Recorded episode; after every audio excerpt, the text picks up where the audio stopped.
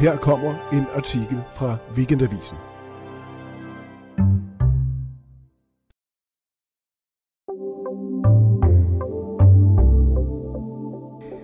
Filantropen George Soros overdrager sin stenrige fond til sønnen Alex, som arver byrden som hovedskurk i Viktor Orbans illiberale fortælling. Det har Jeppe Bensen skrevet om i denne uge. Teksten her, den hedder Vestens grimme ansigt, og den begynder således. Ungarn vågner sent og slumrende. De lokale foreslår sjældent at mødes før middagstid, kun hvis det ikke kan være anderledes. Morgenaftaler er for byens mest stræbsomme dem, der har noget at bevise. Dem finder man nemmest i det indre Budapest. Solen er knap stået op mellem byens beigegrå alléer, da jeg er på vej til dagens første oplæg på Central European University. Her venter to dages konference om Ungarns demokratiske skæbne. Med patos og pondus som en udstødt profet slår arrangøren tonen an. For det er nogenlunde sådan, det private, liberale universitets efterladte betragter sig selv. De oplyste ungarer af forbilledelige vestlig sindet herkomst, de sidste tilbageværende efter, at Viktor Orbans nationalkonservative regering kraftigt udskammede og de facto bortviste CEU for fire år siden. Ikke siden 2019 har CEU, som det kaldes, udklækket dimittenter. Al undervisning er rykket til Wien, få timers kørsel mod vest. Universitetet er stiftet og finansieret af George Soros, en af Ungarns mest indflydelsesrige personer det seneste århundrede og en af de seneste års mest udskilte. Den idealistiske 93-årige pengemand fra Ungarn med amerikansk pas og globalt netværk – Manden, som blev født i 1930, døbt Jordi Schwarz af sin jødiske familie, og som overlevede nazismen i Ungarn, hvor mere end en halv million jøder blev myrdet, og efterfølgende flyttede med sin familie til Storbritannien og senere til Amerika, hvor Soros også fik statsborgerskab. Han blev multimilliardær på at finansspekulere på den britiske valuta bedre end Nationalbanken og har brugt sin stadigt voksende formue på at stifte en af verdens allerstørste filantropiske fonde, Open Society Foundations. Af Forbes er Soros beskrevet som verdens mest generøse donor. Omtrent 15 milliarder dollars svarende til 64 procent af mandens oprindelige formue har han spenderet på det ene idealistiske, liberale og ofte kapitalismekritiske projekt efter det andet. Internetadgang og engelsk undervisning i sovjetiske republikker, Barack Obamas, Hillary Clintons og Joe Bidens præsidentkandidaturer – NGO'er målrettet drikkevand, miljø, migranters vilkår og afkriminalisering af narkotika, menneskerettighedsaktivister i USA og Afrika, og selvfølgelig Central European University, som har haft hjemme her i Budapest. Da CEU flyttede hovedkontor til Wien, flyttede OSF, altså Open Society Foundations, til Berlin af frygt for at blive yderligere sanktioneret af den ungarske regering. Så udskammet er George Soros blevet. Manden, som i årtier levede stille med skiftende hustruer og fem børn som en lyssky patriark i stil med Logan Roy fra tv-serien Succession, indtil Viktor Orbán i midten af 2010'erne besluttede sig for at udråbe George Soros til den centrale europæiske hovedskurk og eftertrykkeligt beskylde ham for at være vestens forlængede arm, en liberal puppetmaster med onde hensigter om at hjernevaske den i citationstegn sande europæiske befolkning – blandt andet ved at, i citationstegn, skole dem i radikalisering på CEU. Altså i liberale vestlige værdier. Derfor forbød Orbán det, i citationstegn, udenlandske, altså amerikansk stiftede universitet at undervise i Ungarn. Skræmmekampagnen mod Soros begyndte i 2017 og blev hans trumfkort ved valget i 2018 og 2022. Lad ikke Soros få det sidste grin, stod der berømt på en af de mange plakater i ungarske byer. CEU var og er finansieret af Soros' store fond Open Society Foundations, altså OSF, som han døbte den efter filosofen Karl Poppers begreb om det åbne samfund, hvor radikal pluralisme hyldes og hvor kulturel ensretning konstant bør udfordres. I 80'erne var kommunismen Soros' skrækscenarie. Senere blev det for ham vigtigt at kritisere uhemmet kapitalisme af socialistiske, markedskritiske årsager, ikke af nationalkonservative grunde, som Viktor Orbán argumenterer ud fra. Den forskel er afgørende, og selve grunden til, at striden mellem de gamle åndsfælder Soros og Orbán er blevet så omfattende. Soros' idé om et åbent samfund clasher på alle parametre med Orbáns erklærede ideal om et illiberalt demokrati, hvor hans nationalkonservative regering i stigende grad privatiserer og kontrollerer landets institutioner, altså ensretter. I det lys er de to mænd hinandens bedste fjender. Og efterhånden er striden blevet så stærk, at folkene fra CEU, Soros' soldater, som Orbans folk kalder dem, i dag og i morgen og hele tiden afholder konferencer, møder, åbne idéudviklinger om, hvordan i alverden Ungarn kan i citationstegn redemokratiseres, som det også lyder i programmet i dag og mellem linjerne. Om og i så fald, hvordan universitetet, fonden og navnet Soros kan renses for syndebuk-kampagner og konspirationsteorier. Det er nok derfor, de har så travlt med at komme ud af fjerne. I juni annoncerede 93-årige George Soros langt om længe, hvad der skulle ske med OSF efter ham. Også lige Successions faderfigur havde han indset, at fonden, pengene og indflydelsen nødvendigvis måtte blive i familien. Soros havde ellers tidligere sagt, at ingen af hans børn skulle arve bordenden, så mange blev overrasket, da han udråbte sin næstyngste 37-årige Alex Soros til ny leder af Open Society Foundations. Soros Jr. har længe befundet sig i periferien af fondens virke, men alligevel et overraskende valg. Med sin velbemidlede ungdom på den amerikanske østkyst, sine smukke kærester og celebre venner, er Alexes opvækst rundet af cirka det modsatte af George Soros' i Ungarn i 1940'erne. Sønnen bærer firkantede briller med kraftigt stel og tonede glas, meget stramme jakkesæt og Nike sneakers. Hvorfor så netop den arving? Soros senior har ikke sagt meget om det, og junior har kun givet interview til Wall Street Journal.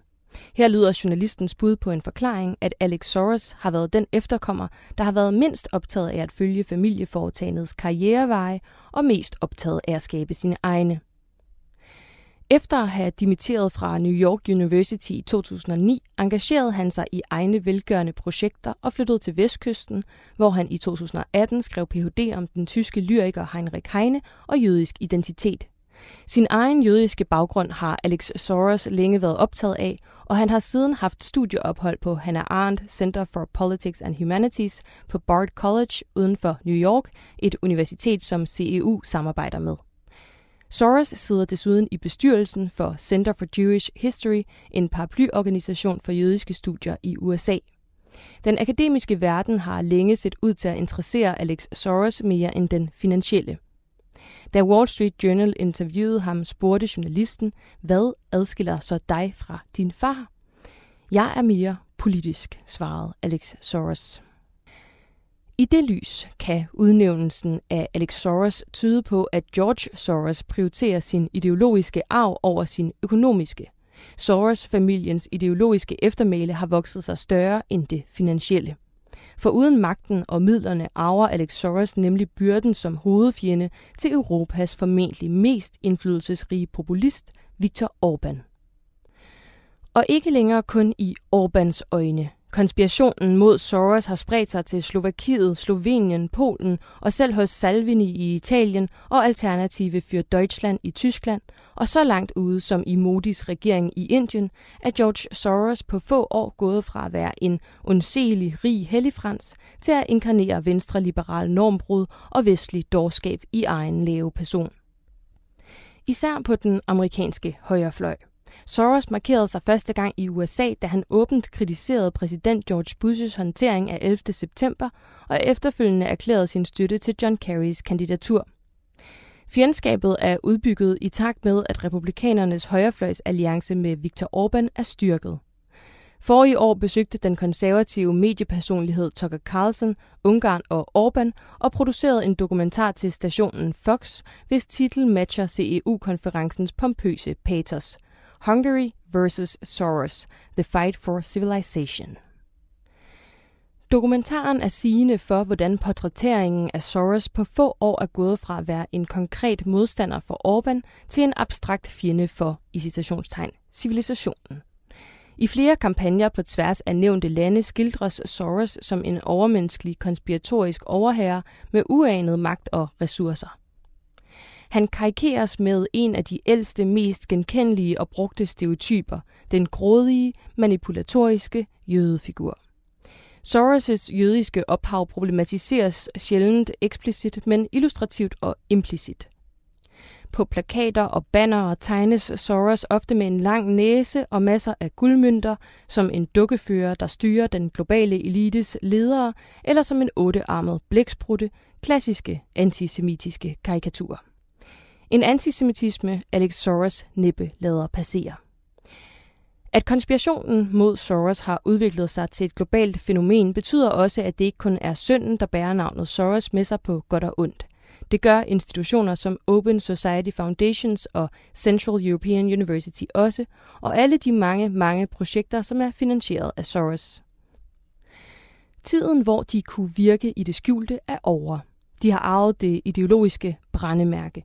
En bekendt fra FN's migrationskontor i byen har visket til mig, at de slet ikke må nævne hans navn på kontoret længere, selvom de har hårdt brug for hans midler.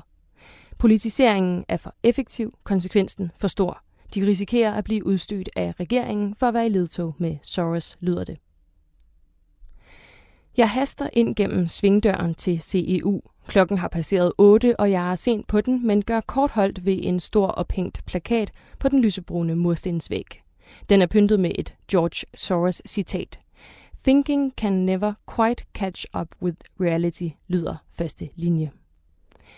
Det virker ellers til at være den erklærede målsætning i dag. I invitationen til Budapest Forum, som arrangementet kaldes, lød det, at dagen er et, citat, markeret pro-demokratisk antipopulistisk foretagende. Og de tocifrede antal oplæg og samtalerne drejer sig om at tænke sig til en friere og liberal verden, som af de optrædende på scenen omtales, som var det allerede i citationstegn den gamle verden, dengang Ungarn var på rette vej, før det gik galt. Den rette vej var ifølge de liberale på scenen årene 1989 til 2010, da først muren og siden Sovjetunionen faldt, Ungarn blev befriet fra kommunismen og langsomt liberaliseret, indtil Orbans første store illiberale reformer. Derfor forbinder den generation af ungarer, som i dag er i 30'erne og 40'erne, og som dominerer konferencens program, George Soros' liberale verdensopfattelse som den i citationstegn rette. Det er den, de er vokset op med, og Soros er manden, de lærte at takke. I 90'erne var den dengang nyrige George Soros meget optaget af sit gamle hjem i Central- og Østeuropa. En hel generation af yngre ungarer, der blev voksne i slut 80'erne, nærer en varm nostalgi for Soros. Han finansierede internetadgang og legater til udvekslingsophold, og navnet Soros blev symbolet på, citat, eventyr og muligheder, og unge på besøg i USA, som lærte os reglerne for amerikansk fodbold, som journalisten Victoria Sadylt skriver i et forsvar for Soros i magasinet Politico. Skæbnen vil, at hendes generation af ungarere også inkluderer Viktor Orbán, og at selv hans udvekslingsophold på Oxford blev finansieret af et Soros-legat. Orbáns Fidesz-parti var dengang i årene omkring murens fald et liberalt parti, et frisk pust fra vest, som stod i opposition til det kommunistiske styre. Af samme grund var Soros med til at finansiere partiet, et faktum man ikke hører så ofte, angiveligt fordi ingen af de to parter er nævneværdigt stolte af det. Stakåndet sætter jeg mig på bagerste række til morgens første optræden. Det er en samtale med forfatteren bag Tjenerindens fortælling, Margaret Atwood, som transmitteres direkte fra Canada. Hun bærer store diamantøreringe, et lilla partisantørklæde og bliver spurgt, om hun også synes, at demokratiet i Ungarn er i fare. Den er god nok, det mener hun. Publikum nikker den liberale borgmester, de tilrejsende fra Wien, det britiske PR-byrå, journalisten fra The Guardian, mest af alle kvinden med opsmørrede blæserærmer og den tunge guldkæde. Hun repræsenterer Jigsaw, en faktatjekkende think and do tank under Google. Hvornår blev det nødvendigt for Viktor Orbán at udvikle sit i citationstegn illiberale projekt, og hvorfor krævede det en ærkefjende? Omkring år 2011, siger Susanna Selenji fra den anden side af det efterladte undervisningsbord, vi har fundet på salen over konferencen. Hun er en højtstående leder af CEU, velfriseret og i stiv spacerdragt. Susanna Selenji og Orbán var nære partifælder i de liberale 1980'er dage. Hun blev valgt til parlamentet sammen med ham og meldte sig senere ud af partiet, da det ideologiske skred blev for radikalt for hende. Hendes bog Tainted Democracy fra 2022 handler om deres parallelle bevægelser. En martsmorgen i 2011 holdt Orbán en tale foran Nationalmuseet, som ifølge Zeleny antyder hans behov for en syndebuk. Han sagde sådan her. Efter at have sendt de sovjetiske tropper hjem, kom årene med retningsløs vandring. Vi finder ikke succes i hverken Bruxelles eller andre hovedsteders model. Underforstået, den liberale model, de flydende grænser, de brudte normer og rå kapitalisme betød for Orbán åndløshed. Der var et uudnyttet rum til at skabe en stærk modfortælling. Men hvordan forklarer man det til en befolkning, der oplever at være rigere, bedre uddannet og mere berejst end nogensinde? Individets frihed appellerer ikke på samme måde her, som i Danmark, minder Selenji mig om. Ungarns frihedsbegreb udspringer ikke af den franske oplysningstid, men af befrielsen fra først osmanderne, så det habsburgske dobbeltmonarki, så nazismen, så kommunismen. Ungarns frihedsforståelse er i citationstegn kollektivistisk, siger hun, og det har Orbán udnyttet kløgtigt. Det er ud fra den logik, at Orbán er nået frem til, at Ungarn ifølge ham skal befries fra Vesten. Hvordan konkretiserede han så den abstrakte tanke? Flere peger på de to amerikanske politiske strateger, Arthur Finkelstein og George Birnbaum, som de teoretiske bagmænd, og sidstnævnte har det også indrømmet at have hjulpet Orbán med at bedrive såkaldt negative kampagner og med at udpege et offer, som opsummerer alt det, Orbán ikke kan fordrage. Soros. Finkelstein og Birnbaum har tidligere rådgivet folk som Nixon, Reagan og Trump, og undervejs hjulpet Benjamin Netanyahu til sin første valgsejr i Israel. I et besynderligt ærligt svejsisk interview fra 2019 fortæller Birnbaum om, hvordan Netanyahu formidlede kontakten, og hvordan Orbán ønskede at mestre israelernes retoriske stil.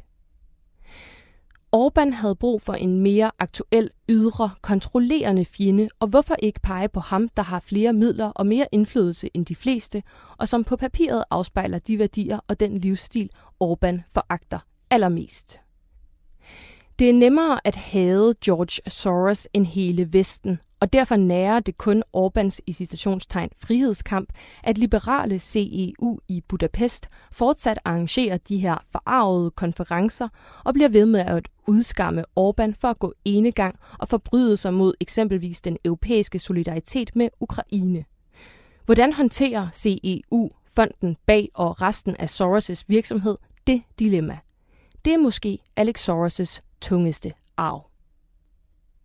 Og med de ord slutter artiklen Vestens grimme ansigt. Teksten den var skrevet af Jeppe Bensen, og oplæsningen den stod jeg for. Jeg hedder Marie-Louise Vesthardt.